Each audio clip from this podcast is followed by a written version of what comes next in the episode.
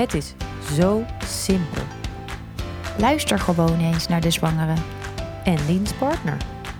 Dit is Wijzer in Verwachting. De podcast van Dr. Mama met geboorteverhalen waarin je een echt beeld krijgt van wat de geboorte inhoudt. Voor jou. In elke aflevering ontvangen we nieuwbakken ouders die hun verhaal met ons willen delen. We duiken het verhaal dieper in en ontrafelen gevoelens en gebeurtenissen. En tevens slaan we een brug tussen de ouders en de medische wereld. Wij zijn Brechtje En Meerte. van Dr. Mama. Artsen die je echt goed voorbereiden op de geboorte. En vandaag spreken we met Arthur en Mariska over de geboorte van hun zoon Spencer.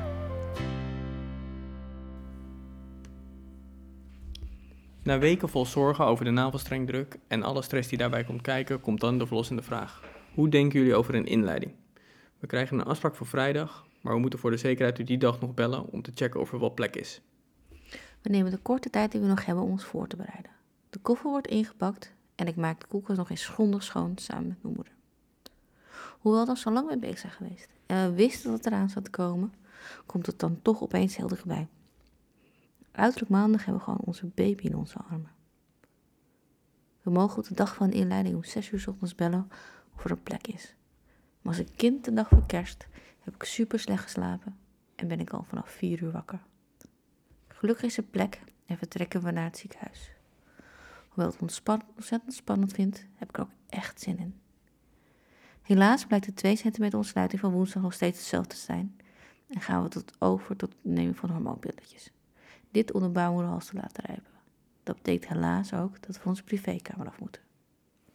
De eerste dag in het ziekenhuis is afwachten. Het voelt alsof je voor een wedstrijd in de catacombe moet wachten tot je het veld op mag. Elke twee uur krijgen we een check met het CTG en weer een nieuw pilletje. We worden gemotiveerd om lekker rond te wandelen. We doen dit graag, want op bed liggen is niet veel aan. Maar al snel komen we erachter dat er weinig rondvalt te wandelen in een ziekenhuis en ook dat het gewoon heel erg saai is. Jij ligt op bed en, ik, en krijgt af en toe een pilletje. Ik zit ernaast en kan eigenlijk niets doen. Ik werk nog een beetje op een laptop terwijl jij een serie kijkt. De harde buiken komen en gaan, maar helaas is er niet genoeg progressie en zitten we aan het maximum aantal pillen dat op één dag gegeven mag worden. Het wordt avond en daarmee ook gelijk duidelijk, vandaag komt de baby er nog niet aan. Dit betekent dat jij naar huis moet, dat je helaas niet mag blijven slapen, maar dat ik moet blijven. Ik krijg te horen, ga maar lekker naar huis en slaap lekker uit. Dat is voorlopig de laatste keer en morgen heb je een drukke dag. Jij blijft alleen in het ziekenhuis en dat vinden we allebei echt niet leuk. Ik blijf achter op een zaal met andere vrouwen. Die snurken. Alleen. Had ik al gezegd zonder jou? Dit is zo niet mijn ding. Om zes uur word ik wakker en moet ik plassen. Niets bijzonders als je zwanger bent. Tijdens plassen zie ik wat bloed.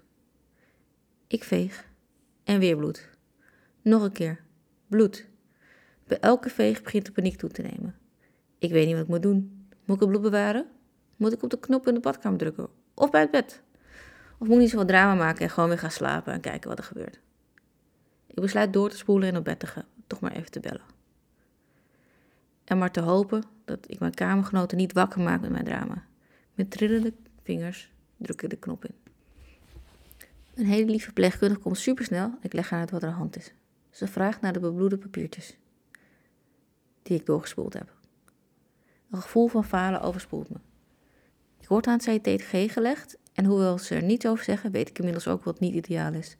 Dat hartje van het baby dipt. Tranen wel op. En hoewel de verpleegkundige mij ontzettend lief troost, wil ik gewoon dat jij er bent. We hebben alles voor onze baby aangepakt als een team. En nu zit ik hier alleen. En het gaat niet goed. De gynaecoloog komt en vertelt mij dat het gaat beginnen. Dat ik naar een andere kamer word gereden. En dat mijn man nu echt moet komen. Ja, hallo, alsof ik dat zelf niet weet. En trouwens, wie heeft hem weggestuurd? Ik voel me alleen en bang. Om 6 uur gaat mijn wekker, zodat ik snel weer naar je toe kan gaan. Ik zou nog even lekker croissantjes gaan halen bij Simon Meis. Je appt me om 6 uur 37. Je moet hierheen komen. Gelukkig heb ik dan al gedoucht. Ik kan niet opstaan zonder te douchen in de ochtend. En gelukkig wonen we dicht bij het ziekenhuis en ben ik er zo. Dat is fijn. Ik heb er weer zin in. We gaan dit samen doen. Op dit moment gaat het snel. Ik het deed, lig ik aan het CDG en zijn ze een infuus aan het prikken. Ik lig nu aan bed gekluisterd. Eh, jongens, ik wilde nog douchen. Kan dat? Jij gaat voor me vragen. Het verzoek wordt met weinig enthousiasme ontvangen, maar het mag die wordt losgekoppeld van het CTG. Douchen met infuus dat niet nat mag worden gaat waardeloos. Zeker als je daar weeën, die inmiddels behoorlijk aanwezig zijn, bij optelt.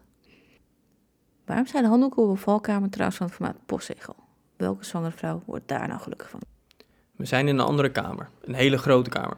Hier gaat het gebeuren. De kamer is ruim, ongezellig en er staan een hoop apparaten. Zo kunnen ze alles in de gaten houden. We eten een halve boterham en ik ben er klaar voor. Laat maar komen. En dan begint de wedstrijd echt. Langzaam krijg je steeds meer weeën en die doen ook steeds meer pijn. Het CTG laat niet echt zien dat er weeën zijn. Van de eerdere controles weet ik dat 20 de basis is en alles erboven een wee of een harde buik is. Waar je tijdens de controle al een keer een harde buik had en de meter op 26 kwam te staan, merk ik aan alles dat je nu veel meer pijn hebt. En de meter komt niet boven de 6 uit. De rest is een beetje een zwart gat, tot het moment dat de weeën flink binnenkomen. Het staat inmiddels rond 1 uur. Elke wee is een rollercoaster aan ellende. Het begint met een opbouwende pijnlijke kramp. In het midden ben ik misselijk en moet ik een mini beetje overgeven. Het bloed heet, begin te zweten. De kramp begint eindelijk af te nemen en ik krijg het ijskoud. Zodra de wee over is, voel ik me heerlijk relaxed. Dat gevoel tussen slapen en wakker worden, zo lekker. Tot de volgende wee weer binnenkomt denderen en het feest weer overnieuw begint. We hebben samen het ritme te pakken. Jij begint te wapperen, ik zoek het spuugzakje, de deken moet af, de degen moet terug en we hebben even pauze. De meter slaat nog steeds amper uit en de verpleging begint door te krijgen dat je toch echt wel weeën hebt. Het apparaat werkt niet goed en ik moet helpen bijhouden wanneer de weeën zijn en hoe lang ze duren. Die ellendige weeën. De vraag is of jij bij elke wee de knop op mijn buik wil indrukken. De energie en kracht die het kost om hier duidelijk over te communiceren en na te denken of een week klaar is of niet, kost me meer dan ik wil geven. Ik wil me focussen op de wee en niet op de rest. Je hebt het echt heel zwaar en ik kan niet veel doen. Ja, een ander muziekje opzetten en wat water aangeven. Af en toe eet ik een kokosmacroon. De uren tikken tergend langzaam voorbij. Het spookt door mijn hoofd. Een gemiddelde bevalling duurt 16 uur. Dat kan toch helemaal niet? In overleg met de verpleegkundige gaan we voor een ruggenprik. De weeën zijn zo heftig dat ik al mijn klachten verlies. En geeft aan dat het nog wel zo'n vijf uur kan gaan duren. Eigenlijk leek het me van tevoren maar niets. Zeker omdat je niet uit bed mag met een ruggenprik. Maar met deze weeën en alle apparatuur waar ik aan vast lag, was het toch al geen optie meer. Ik twijfel enorm, maar ik weet dat ik dit niet ga trekken. Het zetten van de ruggenprik is hels. Ze kunnen maar niet goed prikken. Ik zit, wat voelt als huren, voor overgebogen bed. Terwijl de weeën natuurlijk gewoon door blijven gaan. Ik moest stil blijven zitten en ik voel mijn benen bijna niet meer. Zo verkrampt zijn ze. De verpleegkundige helpt me door de weeën heen. Ze geeft me echt het gevoel dat ik dit kan. Terwijl het zelf aan het verliezen ben. Volgens mij heeft ze een sinaasappel gegeten. De geur maakt me rustig. Ik focus me op de moedervlek op haar arm tijdens de weeën. Er zit een enorme blauwe plek op haar arm zitten.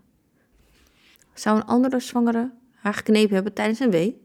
Bij elke wee word ik een beetje kwader. Waarom lukt het nou niet? Je hebt het heel zwaar en daarmee ik ook. Ik blijf de hele tijd dicht bij je, maar als het zetten van de ruggenprik een paar keer mislukt, moet ik even gaan zitten en de andere kant op kijken. Ik word misselijk als ik zie hoe zwaar je het hebt. Uiteindelijk komt er een andere arts en die is zo klaar. Na drie kwartier ellende van het zitten van de prik gaat het nu snel. Binnen een minuut begint het al te werken en ik voel de pijn wegvloeien. Niet alle pijn is weg, maar het ergste en de scherpte wel. Daarna gaat het beter. Jij voelt je beter en daar knap ik van op. Er komt weer wat leven terug. We kunnen weer praten en lachen en we gaan er weer voor. Je stuurt mij halverwege de dag weg. Je moet wat gaan eten. Ik protesteer een paar keer. Tijdens de wedstrijd loop je er ook niet weg. Als ook de verpleegkundige mij streng toespreekt, ga ik toch maar. Ik zoek een broodje kroket uit. Dat gaat er altijd in. Voor mij haal je snack en wat perensap. Het is heerlijk om dat smaak in je mond te hebben. Tussen de weeën door lachen om het feit dat jij een broodje kroket staat te eten, terwijl ik aan het bevallen ben. De tijd strijkt voorbij. Je kijkt gelukzalig toe hoe ik het broodje naar binnen schrok. Ik kan niet zo goed zonder eten. Op een gegeven moment voel ik een druk die volgens mij persdrang is. We roepen de verloskundige bij. En ja hoor, het gaat nu echt beginnen. Ze zetten de rugbruk uit en ik verwacht dat de pijn wel flink zal oplopen. Maar het valt mee. Deze persweeën zijn niets vergeleken met wat ik vanmiddag mee te maken had. We zijn begonnen aan het laatste deel van de wedstrijd. Hoewel het persen heel erg goed gaat, zijn er toch een paar puntjes van zorg.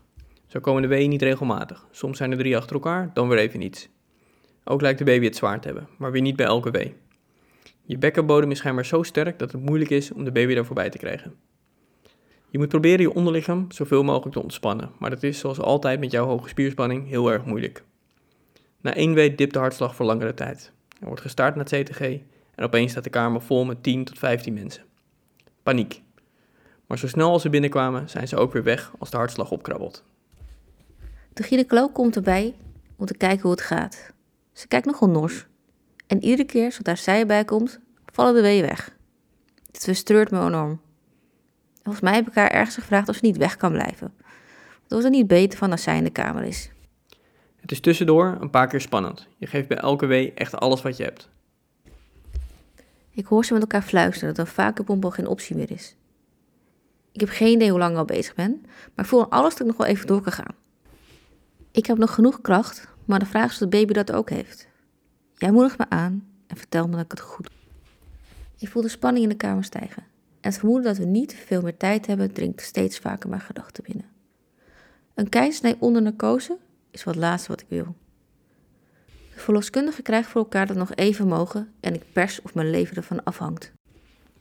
Ze zien haar. Haar. Zij is niet kaal. Nog even doorzetten. Oké. Nu doet het toch wel echt heel erg pijn. Alle emoties van de laatste maanden komen eruit. En met een paar laatste krachtinspanningen komt hij tevoorschijn. Dat moment. Dat zijn hoofdje eruit is. En dat met de laatste keer persen zijn lichaampje volgt. Misschien wel het meest magische moment ooit. Onbeschrijfelijk. Zo'n klein hummeltje. Gelukkig begint hij snel te huilen. Wat een opluchting. Wat een geluk. Ze willen hem bij jou op de borst leggen, maar de navelstreng is te kort. Nou ja, dan leggen ze hem wat lager op je buik. Snel wordt de navelstreng doorgeknipt en mag hij echt bij jou liggen. Zodra hij op mij ligt, stroom ik over van geluk. Hij is er. Dit is echt. We hebben echt een baby. Kleine Spencer. Nog geen minuut oud. En nu al de liefde van mijn leven. Ik kijk jullie aan en ben zo ontzettend gelukkig. Je bent het beste dat mij is overkomen. Spencer, we gaan zoveel moois beleven. Wat een bevalling. Wat een bevalling. Wat, wat, wat, wat, wat, wat een bevalling. Oeh, jongens, wat een bevalling. Wat hebben jullie een rollercoaster gehad? Ik ben echt heel erg benieuwd hoe jullie daarop terugkijken. Ik denk heel wisselend. Want eigenlijk weet ik dat het natuurlijk eh, niet altijd prettig was en best wel intens. Achteraf denk ik, vond ik het eigenlijk wel prima en mooi. En mijn hersenen kiezen ervoor om alle ellende te vergeten en alleen te focussen op, eh, op het goede. Dat is wel echt. Ja, voor mij is dat wel anders. Ik, ik heb wel echt, eh, ik vond het toen heel spannend de hele dag. Heel veel stress. En dat, dat weet ik nog wel. Dat ik het, eh, ja, dat, het was heel stressvol vond ik. En ik ben heel blij dat het goed kwam, maar dat was, eh, ja. Het is niet dat ik denk, eh laten we het snel nog een keer doen. En, en wat waren voor jou dan die, die stressvolle momenten? Wat maakte dat het, jij die stress ervaarde? Nou ja, we hebben het er ook van tevoren wel over gehad. Ik, ik denk dat ik heel een, een rationeel persoon ben, dus ik weet ook dat die dingen mis kunnen gaan. En ja, dat idee had ik wel af en toe. En dan dipt zo'n hartslag een tijd en dan, hè, dan blijft die Ja. heel laag. En dan zie ik die mensen binnenkomen, ja, dan weet ik ook wel van ja, het kan ook, eh, hè, dat kan ook dat ze moeten ingrijpen, dat er iets moet gebeuren natuurlijk. Dat, ja, dat, vind ik, wel- dat vond ik een heel naar idee. Nou ja, en er was, er was dus ook al echt hoogspanning voordat de hele bevalling begon natuurlijk. Ehm, zijn dat ook die momenten waarvan je eh, zelf dech- denkt, en dan vraag ik dat aan Maris, dat je die probeert weg te duwen? Nee, nee, dat is, ben ik wel echt heel bewust meegemaakt en dat weet ik nog wel. Ik heb niet genoten van de laatste maanden van mijn zwangerschap. Dat was echt nou, hels. Klinkt wat overdreven, maar het kan wel die richting op. Het was echt alleen maar stressen en wachten en twijfelen of dit het goede is. Is het nou het best als je nog blijft zitten? Aan die kant hoop je, want het begon al voor de 34 weken. Dus oh, hoop dat het 34 weken halen, hoop dat het 36 weken, 37, dan 38. En dan toen begon een arts van, oh, misschien beter als je het gewoon 40 weken blijft zitten. Terwijl een aantal artsen zegt, ja, dat moet je absoluut niet doen. Dus zoveel twijfel en tegenstrijdige informatie die je krijgt, dat je niet meer weet wat goed is. En ja, het is- dat is gewoon eh, heel stressvol. En je zegt, als je er dan nu op terugkijkt, misschien zijn het hormonen, zeg je ook nog. Hè, dan denk je eigenlijk, ja, het is heel mooi. En, maar eh, ik zie ook aan je dat je ook heel geëmotioneerd bent als je het verhaal terughoort. Wat is, dat, wat is die emotie? Nou, vooral de, de periode dat ik het alleen moest doen, vond, ik- vond ik heel heftig. En ja, je, je wil gewoon het beste doen. Mhm. En je weet niet wat je moet doen. En ik was dan bijvoorbeeld 's ochtends alleen. Dat vond ik altijd het heftigste moment. En ik zat met het bloed en ik wist niet, is dit normaal? Wat moet ik doen? En normaal heb ik Arthur altijd bij me. En dan kan ik altijd met hem sparren van, hé, hey, wat denk jij? En dan maak je zo'n beslissing met z'n tweeën. En dan kan je nog de verkeerde beslissing nemen. Dan kan je nog besluiten, we gooien het weg. Maar dan heb je dat samen gedaan. En, en nu voelde ik al die druk op mij alleen liggen. Van, ik maak het besluit over ons kind in mijn eentje. En ik heb het verkeerde besluit genomen. Ja. Dat is natuurlijk ook echt wel ongekend als al die weken, al die enorme spanning opgebouwd wordt met controles in het ziekenhuis. Gaat het goed? Is het, kan het langer? Kan het blijven zitten? Dat is ongekend spannend sowieso. En dan komt dus dat moment. En ik moet zeggen, ik heb eh, jullie bed erg, of jullie verhaal s'avonds in bed gelegen. En ik, het, ik schrok me helemaal de tering, omdat ik dacht: Oh mijn god, je was dus alleen. En dat vind ik echt een hele ja, dikke onderstreping van. ehm, ja, waarvan ik denk, laten we dit systeem nou toch eens gaan opheffen en zorgen dat je dit samen met je partner gewoon door kan maken. Want ook als je dan inderdaad een verkeerde beslissing neemt, dan voel je je tenminste wel veilig en gehoord en gesteund. En dat maakt de wereld van verschil. Ja, ik vond het ook heel gek dat we... Ik, ik ging inderdaad daar s'avonds eh naar, naar huis. En zeiden ze ook echt van... eh, slaap lekker uit. Echt zo van, nou, weet je... Nee, ik vroeg dan hoe laat moet ik hier weer zijn? Nou ja, eh, 10, 11 uur, doe rustig aan. Eh, morgenochtend zien we het wel, weet je wel. Het komt allemaal wel goed. En nou, nou, toen dacht ik al van, ja, dat wil ik helemaal niet. Ik wil gewoon weer vroeg zijn, ook voor mijn ris. Het slaat nergens op dat ik thuis een beetje... Ja, wat- dat vond ik heel gek. Klinkt inderdaad ook een beetje van, nou ga jij maar lekker, lekker eventjes iets voor jezelf doen. Alsof jij Ja. niet met je hoofd vol bij deze, eh, deze gebeurtenis zit. eh, en alsof je lekker gaat slapen. Ja. Ja, precies. Vond ik heel gek. En, en, en dat zeiden ze echt een beetje, ja, een beetje met de beste bedoelingen, denk ik. Een beetje lachen. Een beetje, ze waren allemaal heel vrolijk en gezellig. ja, Verpleegkundig in een kamer. Weet je, dat was prima. Alleen, ja, ik, ik vond het heel gek. Ik dacht, ja, ik bedoel eigenlijk, mijn vraag was, hoe vroeg kan ik hier weer zijn?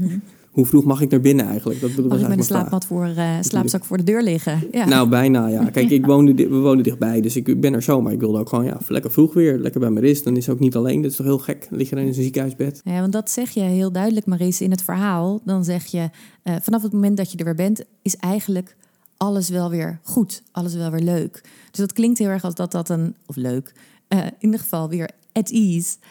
Ehm, alsof dat echt een, een belangrijk sleutelmoment is geweest. Dat was ook zeker. Van die inleiding, dat, dat, wil, dat waren we ook echt aan toe. En dat waren we ook samen waren we heel erg aan toe. Niet alleen ik lichamelijk, maar ook gewoon samen met z'n tweeën. We waren, ja, we hadden naar uitgekeken. En we wisten natuurlijk wel ergens dat misschien niet die, die dag zou gebeuren. Maar ook tegen ons zou zegt, we waren op vrijdag. Eh, misschien wordt het pas maandag of dinsdag.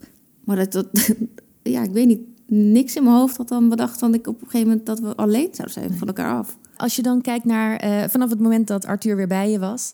eh, wat zijn dan voor jullie nog andere ja, echte sleutelmomenten waarvan je zegt, ja, dat maakte echt verschil in dit verhaal? Op wat voor manier? Nou, zoals je zegt, het, het is heel wisselend. Dus en eh, je voelt de zwaarte van het verhaal, maar je hebt ook hele mooie momenten gehad. Kan je terugdestilleren welke momenten voor jou zo'n onderstreping gaven? Nou, ik vond het wel mooi dat op een gegeven moment, ondanks alle ellende, gewoon echt wel in een ritme zaten met z'n tweeën. Met de deken op, Ja. deken af. Eh, en dan weer rust. En dan weer overnieuw. En dan weer het bakje, deken op, deken af. Dat was wel echt wel, wel fijn. Ja, maar dat kantelde inderdaad toen naar echt, echt, ja, dat echt heel zwaar. En dat was echt inderdaad, dat was niet, dat was, ze was helemaal, er zat geen greintje leven meer in. Het was echt eh, heel zielig om te zien. Ze was helemaal, zat er helemaal Mm. doorheen. Toen de ruggenprik heeft ook wel echt, was echt een kantelpunt. Dat was, na de, ja, de ruggenprik zelf was ook een, een, een drama. Maar daarna was het echt, nou, dat, dat maakte een verschil. Zonder die ruggenprik wa- was het nooit meer, eh, was het niks meer geworden. En die ruggenprik heeft het echt nou, omgeturnd. Van, een- nou, de, de sfeer was een 2. Nou, het was gewoon weer een 7. Het was echt een, een wereld van verschil. Inderdaad, we konden toen ook nog gewoon weer grapjes maken en lachen. En daarvoor zijn er is op een gegeven moment helemaal niks meer. Die, die, die, die was of in ellende van de wee, of die lag eh, twee minuten zeg maar, soort van voor zich uit te staren om weer een beetje bij te komen. En dat was, dat was heel, ja, dat was niet. En dat is wel een beetje vergeten, dat merkte je heel erg. Ja, half. Dat, Nou, wat ik wel herinnerde, dat ik, ik- wij waren gewoon lekker wel dat ritme. Ondanks alle ellende en pijn was dat wel iets. En dat we dan op, toen moest ik Arthur gaan vertellen dat hij op die knop moest gaan drukken. Nou, die knop zit op je buik. En is het, eh, de week komt, denk ik, oh nee, toch niet. Oh ja, toch wel, hij komt. En ook, dat is ook best wel de reden waarom het broodje kroket in ons eh, bevalverhaal zit. Eh, niet dat wij per se iets hebben met het broodje kroket. Maar dat was dat het echt een ander moment was. Dat we niet meer in die golven van ellende zaten, maar opeens weer kunnen lachen. En om zoiets simpels als het eten van een broodje. En was die beslissing om dan te zeggen, nou doe mij een ruggenprik, hoe was dat voor jullie? Nou, eigenlijk kwam de verpleegster daar zelf mee. Ik denk als zij er niet mee gekomen was, dat ik er zelf niet mee gekomen was, denk ik. En ik vond het wel moeilijk. Ook omdat mijn moeder is heel erg van, dat doe je niet. Dat is zwak. Dat is, eh, ja, hè, dat is toch niet nodig. Iedereen, weet je, met je, da- daarvan is zij.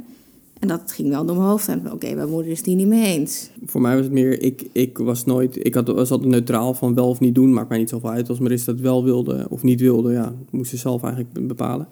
Dus nu kwam die verpleegster ook een beetje naar mij toe op een gegeven moment van... eh, moeten we misschien niet eh, kijken of ze een ruggenprik wil? Want dit, ik denk niet dat dit goed gaat zo. Ik zeg, nee, ik denk ook niet dat het goed gaat. Ik zeg, dus ik zal het wel even met haar over hebben. Toen heb ik wel een beetje gezegd van, ja, misschien moeten we dat, moet je dat toch maar doen. Want dit is natuurlijk geen, dit is geen doen. Dus ik ben wel blij, dat deden ze denk ik, dat deden ze denk ik heel goed. Ja, Ze, eh, ze hebben het ons allebei wel voorgesteld ook, maar wel op een manier van, hè, misschien moet jij eerst eens even met Maris praten. Want misschien zou Maris helemaal ontploffen van, doe niet zo gek, dat zou ik Ja. niet willen. Ja, dat weet je Ja. niet. Ja, en dan had het dus echt een ontzettend goed effect. Hè? Dat, dat beschrijven jullie allebei. Want vanaf dat punt was er eig- eigenlijk weer licht en, en eh, lucht in het, eh, in het hele proces. Eh, en werd het zelfs weer gewoon een beetje gezellig. Hoe kijk je daar dan nu op terug? Want op het moment zelf, met deze gedachten in je hoofd, die ik echt heel herkenbaar vind, eh, eh, lastig. Maar omdat het zo- zo'n perfecte uitwerking heeft gehad, hoe kijk je daar dan nu op terug? nou, ik ben heel erg blij dat ik het gedaan Ja. heb. Ik weet zeker dat pers, de Vespa's niet had gehaald. Want het heeft nog echt uren geduurd. En ik dacht ook gewoon, als ik met mijn vriendinnen praat, dan vind, en zij, zeg ik ook altijd aan, doe dat gewoon. En dat is geen falen en dat mag gewoon. Dus waarom kan ik niet hetzelfde advies wat ik aan mijn vriendinnen geef ook voor mezelf eh, doen? En hoeveel vrouwen zijn er niet die hoort van, oh, ik had eigenlijk wel gewild, maar ik heb het me niet gegund. Ja, precies. Het is, je hoort inderdaad heel veel dat mensen het inderdaad zien als falen. Zo van ja, iedereen kan het zonder, dus enzovoort. Maar het is ook precies dat ander eh, tegenovergestelde. Dus inderdaad, in hoeverre gun je jezelf ja, hoe je uit deze strijd komt? En die beslissing is natuurlijk voor iedereen. Maar dat kantelpunt, dat voel je ook eigenlijk pas altijd tijdens een bevalling. En dan is het natuurlijk extra fijn als die ook nog eens goed onderstreept wordt... dat het echt het verschil heeft gemaakt voor jullie. Dat is Ja, Ja. en ik denk, ik, mijn pijngrens is best wel hoog. Ik heb best wel pijn gehad al in mijn leven. Maar ik, ik wist ook geen keer van, ik kan dit. Alle vrouwen kunnen dit. Iedereen heeft het gedaan. Ik had voorbeelden van- van mensen die ik, nou, als zij het kunnen, dan kan ik het zeker weten. Ja. En op een gegeven moment dacht ik, oké, dit doet echt heel veel pijn. Ik, ik, op een gegeven moment dacht ik echt van, ik kan dit echt niet. En ik heb ook wel gedacht van, nou, ik ben eigenlijk wel klaar mee. Ik kan er niet stoppen voor vandaag. Ik kan niet gewoon over een week verder gaan. Hoe- Waar vond ik het een goed idee om ingeleid te worden? Eh, Wat? Nou, ik had dat ook wel heel duidelijk dat ik naar je keek en dat ik dacht, dit, is, eh, dit, dit gaat gewoon niet. Dat had ik heel erg. En dat Ja. maakte mij natuurlijk, was voor mij ook weer moeilijk. Dat je kijkt en dat je denkt, ja, maar dit is inderdaad geen doen. En toen dacht ik inderdaad ook aan die uren nog die nog moesten. Dat ik echt dacht, En ja, hoe zat is- het dan, is- sorry, met, eh, met die transducer van, die, van het CTG? Want ik bedoel, iedereen die in de kamer was, die kon duidelijk zien... jij hebt weeën en het apparaat deed zip, Ja, dat was een beetje gek inderdaad. Het- We kregen eerst dus die bu- buiten, hoe uitwendig. Gewoon Buikband? Ja. buik, zo'n buikband. En die, die deed inderdaad dus niet. En dus kwam er iemand, nou, drie mensen te aangesloten. Een beetje gemompeld van, ja, dat was van de week ook al een keer. En, eh,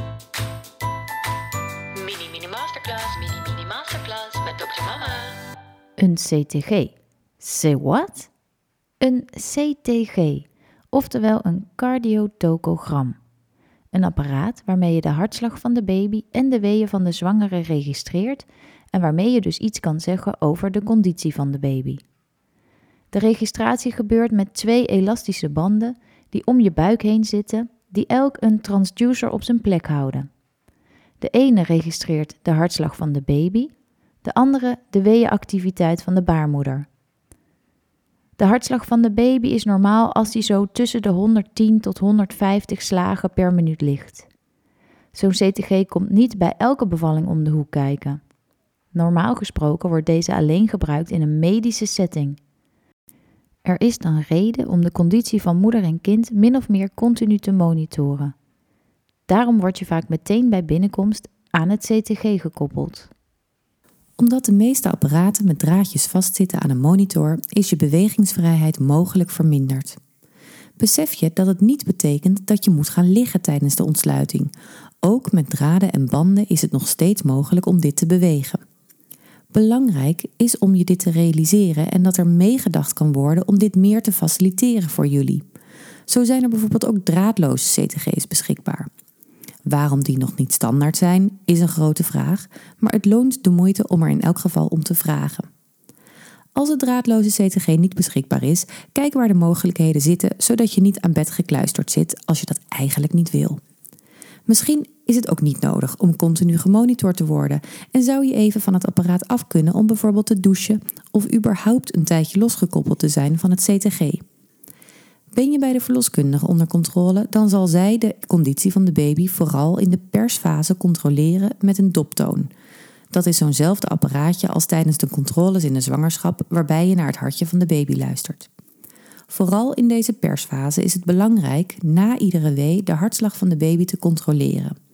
Dit omdat de toenemende druk van de wee op je kindje de hartslag zal dalen. Dit is normaal, maar je wil controleren of de hartslag zich na de wee weer herstelt.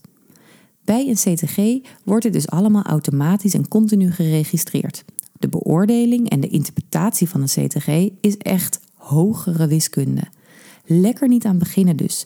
Piepjes laten uitzetten, vragen stellen en vooral kijken naar wat jullie nodig hebben om je veilig en gehoord te voelen tijdens de geboorte.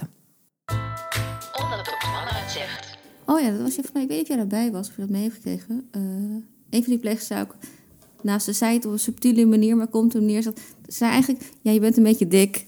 Dus je hebt wat meer vet op je buik weer zitten. Dus dan werkt dat wat minder goed. En dan zei ze, oh, net als ik. En, ik dacht van, en toen dacht ik nog van, ja, maar bij mijn controles was dit nooit een Nee. probleem. Maar ik had toen niet geen zin om daar iets van te zeggen. Ik dacht, nou, laat maar. Dat zijn ook echt. Ja, het was nog gekker. Toen kregen we op een gegeven moment een inwendig CTG. En die deed eerst ook helemaal niet. En daar hebben we ook drie mensen het aangesloten met slangetjes en ingewikkeld. En, en dat werkte ook niet. En toen gingen we er eens één keer verzitten. En toen deed hij het opeens, dat inwendig CTG. En toen dacht iedereen in één keer van, wow. Oké, dus het is inderdaad... eh, eerst had ik al op die knop gedrukt. Dat ze dachten, nou, oké, er zijn dus wel weeën. Want ik moest steeds die knop dus indrukken. En dan Ja. sloeg hij dus helemaal uit. Zag je tenminste op die grafiek iets gebeuren. En dan zien ze dat ook in die controlekamer, zeg maar.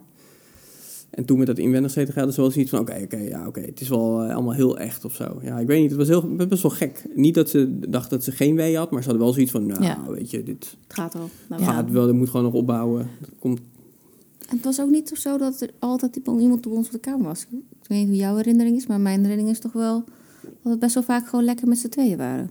Wat, wat heel fijn is natuurlijk. Niet als je moet laten zien dat je weeën hebt. Ja, dan is het moeilijker. Maar dat is wel fijn. Dat was wel fijn. Het is niet zo het beeld van dat wat je van die zit er constant iemand eh, zit te kijken van hé, hey, eh, wat ben je aan het doen? Nee, nee, maar dat is de rare contradictie natuurlijk. Dat je dan dus moet bewijzen dat je weeën hebt door op een knop te drukken. Wat dus eigenlijk eh nepweeën zijn als jij op de knop loopt te drukken. En wat natuurlijk in combinatie met de registratie van de hartslag wel waardevolle informatie is. Maar ja, het is ook wel een beetje de wereld op zijn kop. Want doordat je het daarmee extra aangeeft, kan je nog beter zien: oh ja, die heeft dus duidelijk weeën. Terwijl je kan het toch ook gewoon vragen. Je kan naar binnen lopen in die kamer en zeggen: joe, gaat het? Of is het pittig? Of heb je heftige weeën? Eh, enzovoort. Zo moeilijk moet dat niet zijn. Ik vind het ook best wel shocking dat dan de verantwoordelijkheid ook nog bij jou neergelegd wordt. Ja, je bent een beetje dik. Dus daarom registreren wij jouw weeën niet. Dus daarom denk, gaan we er een soort van vanuit dat je ze niet hebt of zo. Inderdaad, je kan toch vragen. ja, maar ik was, Ja, het klopte ook niet, want ze hebben natuurlijk al veel voor die controles allemaal CTG's gehad. Ja. Dat, dat was, eh, werkte altijd gewoon prima. En dit deed gewoon, het deed gewoon niks. Het sloeg gewoon niet uit. Dus hij was gewoon, er was gewoon iets mee. Ja, dat is gewoon iets stuk. Ja, Go fix the system, zou je dan denken. precies. Ja, dan is het eindelijk dat moment dat je zelf bemerkt, oeh, persweeën. Gelukkig ook bemerkt, oh, als die ruggenprik uit is, dan komt niet de grote hel terug. Dat moet ook wel kracht hebben gegeven. Maar het was ook best wel een heel spannend stuk, dat laatste stuk. Kunnen jullie daar iets over vertellen wat je daarvan van merkte? Nou, eigenlijk vond ik het spannende eigenlijk wel meevallen. Af en toe wel, maar ook af en toe niet. Ik heel veel niet mee heb gekregen. Mhm. Was gewoon lekker gefocust. Ik moest wel zeggen dat ik heel erg moeilijk vond. Ik niet echt idee wat ik nou moest doen met die... Hoeveel ik nou moest persen. Of ik nou alles moet geven of juist niet. Of rustig aan moest beginnen en wanneer. Ja, dat vond je heel lastig. Want iedere keer was het, ja, er komt een W aan. En dan zeiden ze iedere keer, en dan moet je nu vol persen. En dan was iedere keer die W was bezig. En dan vroeg me eens, moet ik nu persen? en dan zei hij, ja, dat had je, vijf seconden geleden had je vol moeten gaan persen. Oké, oké, oké, ik ga persen. En dat was eigenlijk, dat, dat was inderdaad een keer of twintig achter elkaar. Dat die vrouw ook keek van, ja, maar je moet gewoon persen. Dat was wel, inderdaad, ja, jij hebt dat, dat was ook een beetje... Je hebt ook niet meegekregen dat die, die 15 mensen in de kamer stonden opeens. Nee. En, ja, En ik wel, want ik keek om me heen en ik denk, wat doen al die mensen hier opeens? En wat gaan ze eigenlijk doen? Dat was eigenlijk meer mij, want ik snapte wel waarom ze er waren, maar ik snapte niet wat ze gingen doen. Behalve dat ze allemaal, zeg maar, elkaar aankeken van... Op een gegeven moment roept waarschijnlijk iemand, nu gaan we iets doen. Maar d- dat werd niet geroepen, dus bleef iedereen zo'n beetje staan van... "Oh, Oké, we kunnen weer weg. Oké, en toen gingen ze weer weg. Ja, het verwarde was ook wel. Ze had ook eerder de uh, verloskundige, denk ik het was. Had tegen mij gezegd van, oh, je kan ook proberen eens gewoon gewoon te persen zonder persweeën. Ik gedaan. Ze zei, oh, dat gaat heel erg goed eigenlijk. Oh, jij kan het ook wel zonder persweeën. Oké, maar we gaan het doen met persweeën. Dus ik was hier aan het twijfelen. eh, moet ik dat nu zelf persen? Oh, ja. Of moet ik wachten op een wee? En wanneer in die wee moet dat dan? Dat was voor mij één grote verwarring. Ja. Maar eigenlijk, ik vond het vergeleken met de, met de weeën, weeën, vond ik het eigenlijk wel meevallen. Ik vond het eigenlijk wel... Dat, dat, dat, ja, het is ook meer actief en... Dus ik vond het veel leuker dan al het andere rest. Ik had echt het idee dat ik iets zelf aan het doen was. En zelf aan het bijdragen was aan het resultaat. En dat het einde in zicht was. Volgens mij duurde het wel relatief lang inderdaad, want de, de W viel dan af en toe weg een tijdje. En dat was, eh, dan kwam er even geen perswee, dus dat, daardoor zeiden ze ook wel op een gegeven moment van... Nou, ga nog maar even door, want eh, volgens mij, ik weet niet, meer te van mij is iets van twee uur normaal of zo. Mhm. Nou, nu, het heeft bij ons wel langer geduurd. Eh, omdat ze op een gegeven moment ook zeiden, nou wacht maar even gewoon. Laat maar even kijken, dat gewoon even aan hoe het nu gaat. Dus het duurde uiteindelijk wel, volgens mij drie, drieënhalf uur of zo, denk ik zeker wel. Die hele fase. Ja, en ik mocht ook niet beginnen meteen toen ik persdrang kreeg. Want er was ook nog een andere vrouw aan bevallen. Oeh, lekker. En daar was ze druk mee. Of twee andere vrouwen, ik weet niet meer. Ja, ja, klopt Maar, maar ze waren druk met andere mensen. Oei. Oh, dat is wel echt eh, indrukwekkend. Dan moet ik zeggen dat jullie dus best wel heel monter over dit stuk praten. Ik bedoel, sowieso vind ik altijd heel vet om te horen dat je toch ook zoveel kracht ervaart in deze fase. En dat je denkt, hè, ik begrijp wat ik aan het doen ben. Ondanks dat ik niet precies weet wanneer ik moet persen, heb ik toch het idee dat ik ergens wat meer grip heb op de situatie. Als ik naar, eh, want je, je zegt ja, met die uren, we zijn best wel lang bezig geweest. Als ik kijk naar jullie partnersverslag, dus het bevallingsverslag, dan staat daarop geschreven dat je allereerst bij volledige ontsluiting nog helemaal geen persdrang hebt. En dat ze daar twee uur op gewacht hebben. Waarin ik me heel goed. Dat, dat, kan, dat klopt wel, denk ik hoor. Inderdaad. Dat, dat was wel inderdaad op een gegeven moment zo. Van, nou, je hebt ontsluiting, maar nu gaan we gewoon even wachten op die, die, een beetje wachten op die perswee. En dat, maar dat heeft inderdaad ook wel een tijdje geduurd. Dat was er eigenlijk ook een beetje, ja, Geen status quo, eh, een beetje wachten Ja. inderdaad. Nou ja, en dat zou kunnen dat dat ook dan ergens in die periode is geweest dat die verloskundige heeft gezegd: probeer zelf eens te persen om te kijken. Nou ja, hoe zou dat gaan? Klinkt volgens mij wel eh, Wel aannemelijk. alsof dat inderdaad zo was. Ja. ja. Ehm, want Arthur, jij zegt wel in het verhaal, er zijn dus af en toe van die spannende momenten. Hebben ze je nog uitgelegd waarom ze daar met 15 man in de kamer stonden? Mm, Nee, volgens mij niet echt, nee. Nou ja, dat had ik wel door natuurlijk. Die, zijn hartslag dipte en normaal gesproken was het inderdaad... Nou, die ging omlaag, die hartslag. En dan na die week kro- kroop je eigenlijk gelijk weer omhoog. En nu bleef hij heel lang, nou, ik weet niet hoe laag hij was... maar iets van, volgens mij 80 of 100 of zo. En daar hing hij zo'n tijdje op. Mhm. Eh, en dat duurde heel lang, dat hij, daar bleef je eigenlijk denk ik... nou, 30 seconden, 40 seconden, een minuut misschien wel op... voordat hij pas weer omhoog begon te krabbelen. En ja, het was een beetje gek inderdaad. Ze kwamen allemaal die kamer in. En dan, inderdaad, ze keken elkaar allemaal een beetje aan van... eh, nou, waarschijnlijk wachten ze op iets. Dat, Ja. dat er, hè, ze wachten waarschijnlijk, ja, ze zullen vast wel tellen. Dus ze deden ook wel de tijden opschrijven op het bord gelijk trouwens. Ze schreven gelijk op de starttijd wanneer het begon. En, en ook op het bord weer de eindtijd. Dus dat hebben ze inderdaad ook op het whiteboard geschreven ook. Maar ja, en toen op een gegeven moment was het zo van... Oh, nou, het is nu weer goed. Het was weer, weet ik veel. En toen, eh, nou, Iedereen braaf de ging kamer iedereen weer weer... uit. ja, ging iedereen weer wat anders doen. Andere bevallingen kijken. Ja, ze hadden mij op mijn zij ge- gerold. Ik weet niet of ze het bewust hebben gedaan. Ik, dus ik keek gewoon de andere kant. Dus ik heb er helemaal niks van meegekregen. En dat bord met al die tijden, dat is ook een beetje achter je hoofd. Dus dat zie je als, als je aan het bevallen bent. Nou, ik in ieder geval niet, want ik lag in mijn bed. Heb er helemaal niks van meegekregen. Dat was eigenlijk, ik vond het wel fijn. Ja. Normaal wil ik altijd alles weten, maar nu was het ook zo wel goed om niet alles te weten. Ja. En goed, na dat moment is het natuurlijk wel iedere keer als hij dipt dus. Na iedere wee was het dus wel van... Oké, hij komt gelijk weer omhoog. Oké, gelukkig. Want ik had wel zoiets van, ja, als het, één keer gebeurt... Ik, snap ik wel, dan kan het natuurlijk, kan het natuurlijk vaker gebeuren. En dat, dat was voor mij wel weer stress. Aan de ene kant, hoewel daardoor, ja, die, de- het volgt elkaar dan veel sneller op. Dus ik had daar, weet je, dat is stress en dan binnen drie seconden was het weer weg. Minder erg dan daarvoor dat, maar er is gewoon heel veel pijn en vond ik vreselijk. Dit was, ja, wel stressvol, meer adrenaline was dit, denk ik. Een brug tussen de ouders en de medische wereld, die gebouwd is op vier pijlers. Hoe symbolisch wil je het hebben? We zeggen altijd anders dan wat de meeste mensen denken. Dat je beleving van je bevalling veel gaat over pijn en hoe lang het duurde, of misschien de wijze waarop je bevalt. Eh, blijkt uit onderzoek dat het veel meer gaat om je veilig en gehoord voelen, een goede communicatie, meegenomen worden in beslissingen die jou als barende aangaan. Ehm, herkennen jullie je daarin dat, dat die dingen jullie beleving kleuren? Ehm, ja, ik denk het wel. Sowieso was bij ons het ziekenhuis... alles werd overlegd en alles werd echt gevraagd. Ehm, behalve op het allerlaatste moment dat er gefluisterd werd over dingen... maar dat je toch wel hoort.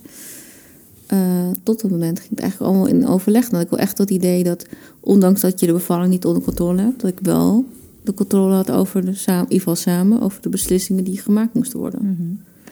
En eh, op het moment dat er dus gefluisterd werd en je je dus minder veilig voelde, dat was ook een, een belangrijk moment in de beleving. Dat je het beleefde als moeilijk. Ja, dat was voor mij, want het was op het einde en ik, ik of jij, ik weet niet meer precies hoe dat, die herinneringen zijn niet helemaal helder.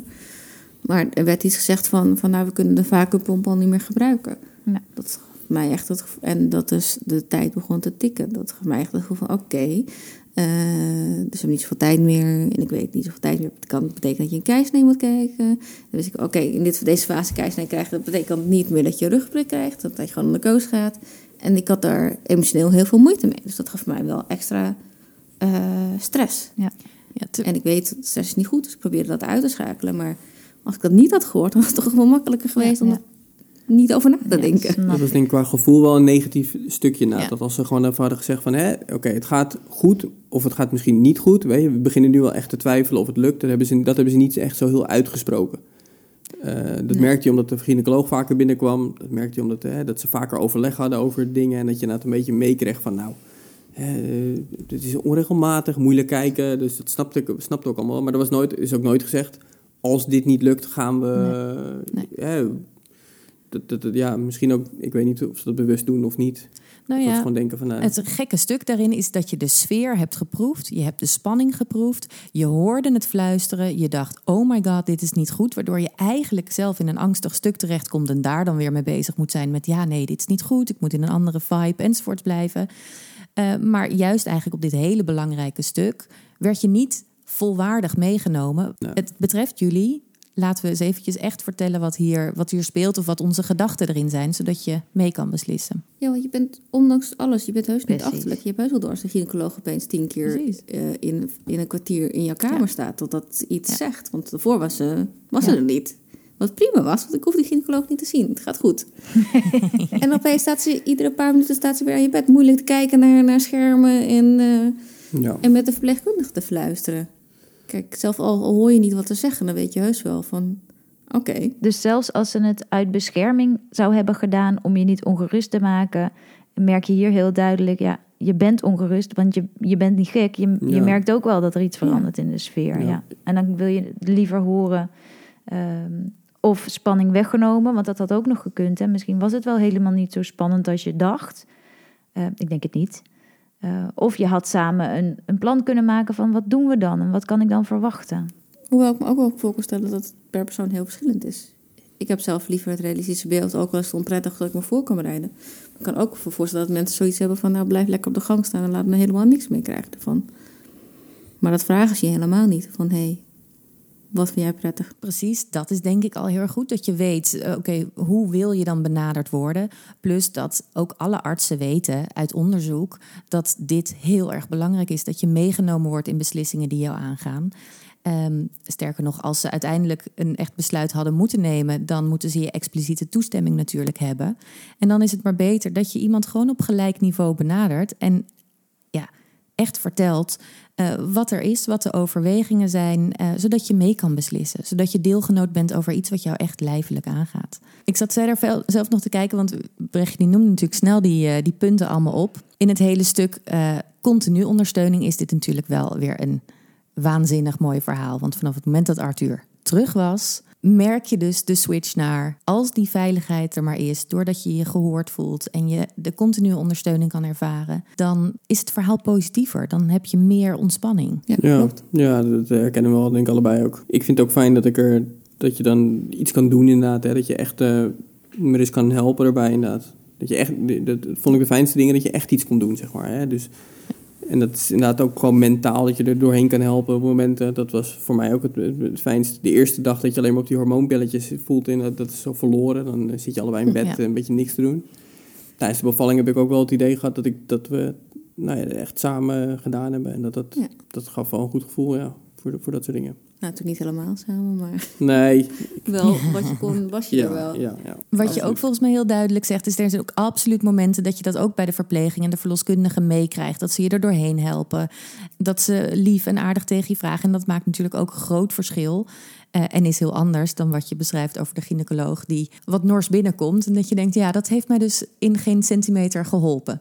Nee, klopt wel. Kijk, dus inderdaad, precies, die gynaecoloog was niet, eh, ze was helemaal niet, ja, ze was niet onaardig of zo, maar ze kwam gewoon, die, die was inderdaad die, heel klinisch, die komt binnen, die kijkt naar de cijfertjes, die, die zegt, eh, ja, nog, nog 23 minuten en, eh, en dan gaat dan de kamer weer uit.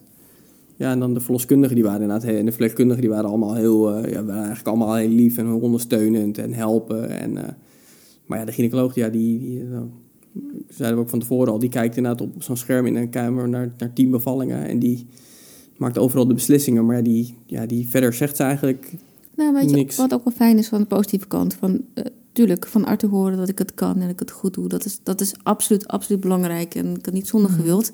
Dan weet ik ook dat hij onvoorwaardelijk van mij houdt. En mij dat altijd zal vertellen. Het is ook wel fijn om het van een pleegkundige te horen die het vaker gezien heeft. En Ja. toch dat, de combinatie van die twee, dat helpt wel echt. Als zij ook tegen jou zegt, de verloskundige, het maakt niet zoveel uit. Gewoon iemand die het vaker heeft gedaan. Zegt van, dat gaat goed, je kan het goed. Oh, wat kan je goed hard persen. Dan denk je van, ja, het geeft toch even die combinatie van die twee stemmen. Geeft toch wel het gevoel van, hé, hey, ik kan dit gewoon en ik ga het gewoon doen. En dat het die weeën Ja. slecht gingen, dat, dat, is dan, dat sluiten we nu gewoon af. We gaan nu gewoon met die, met die volgende fase verder. Nee, ik kan me heel goed voorstellen. Vind ik heel mooi beschreven dat je de, de samen de houvast hebt in, in oké, we hebben in ieder geval elkaar, maar dat je ook echt eh, ja, van de buitenwereld moet horen die echt begrijpt wat hier allemaal gebeurt. Want je hebt je natuurlijk wel voorbereid, maar je hebt het nog nooit gedaan. Eh, dat vanuit die enorme spanning die allemaal langskomt, dat er echt af en toe tegen je gezegd moet worden: heel goed. Die bijstuurt, die je geruststelt, die zegt: ga zo door. Waardoor je weer een beetje ja, grip krijgt op de hele situatie.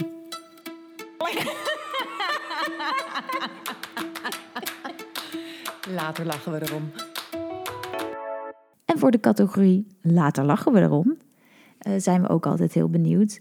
Waren er nog momenten eh, waar jullie op dat moment zelf heel hard om gelachen hebben? Bijvoorbeeld het broodje kroket. Of eh, dingen die, eh, die het goed doen op feesten en partijen om te vertellen. broodje kroket is natuurlijk wel ontzettend iconisch. Dat iemand midden in de bevalling gewoon een broodje kroket staat te, staat te eten. We hebben er ook gewoon foto's van gemaakt. Wat op het moment ook weer kon. Ik kon weer een foto maken. Brilliant. Nou ja, in die handdoek inderdaad was ook echt, de douche was ook echt Oh, ja. exemplarisch hoor. Dat weet ik nog zo goed van Meerte van de voorbereiding. Van, ja, nou, en dan ga je bevallen en dan ga je lekker rondlopen. Rondlopen is lekker en douchen is lekker. Nou, Maris lag inderdaad om negen uur met een infuus en een CTG in bed. En toen was het van, kunnen we nog douchen? Nou, nou oké, loskoppelen. En toen in die badkamer, dat was een soort hokje van, van anderhalf bij anderhalf. Met een douchegordijn. En dan moest ik die, dat infuus moest ik dus helpen, want dat infuus mocht niet nat worden. En dan stond Mar- Marissa onder een, douche, een douchekop met, met een kwart van het water wat we thuis hebben. En als je dan klaar was, kreeg je inderdaad een handdoek van, van 60 bij 30. Ja. Eén. Dat je echt denkt... Het echte spa-gevoel. ja, echt dat spa-gevoel inderdaad. En dan moest ik zeg maar zo van alles nog, nog droog houden. En dan stond Marissa een soort van af te drogen. En, dan, en daarna weer met het infuus naar bed rollen. Dat je echt, dacht, ja, dit was echt lekker. Even met, hè, dat ik nog echt, dat was echt lekker even gedoucht. Nou, je dacht even, wat een armoede. Had ik maar niet gaan douchen. Het was echt vreselijk. wel, ja. Het was echt vreselijk. Ja, de handdoek was echt het formaat waar ik normaal mijn haren mee afdroog. En Oh, ik man. oh, wat is dit? En nu echt ook al mijn vriendinnen, iedereen die gaat bevallen, zeg ik ook, wat moet ik inpakken in mijn bevalkoffer? Ik zeg, eh, een grote handdoek. Zo, niet zo'n hammamdoek. Alsjeblieft, doe het jezelf gewoon plezier. Jongens, echt onwijs bedankt voor jullie verhaal. Voor de kwetsbaarheid in het verhaal. Voor de, ja, de spanning die er ook wel in zit. Ik vind het af en toe dus ook best wel een intimiderend verhaal. Als in dat je zo in je eentje gelaten bent in het, in het begin. Dat dat protocol was. Ehm, dus dankjewel Arthur en Meliska voor jullie verhaal. Ehm, ben je enthousiast? Help ons dan door een recensie te schrijven over deze podcast of met sterren te beoordelen. Want hoe meer mensen deze podcast horen, hoe meer dat bijdraagt aan het narratief. Dr. Mama geeft zwangerschapscursussen en kinder- en baby-EHBO. En dat is ook volledig online. Super bedankt voor het luisteren. Volgende week is er weer een nieuwe aflevering.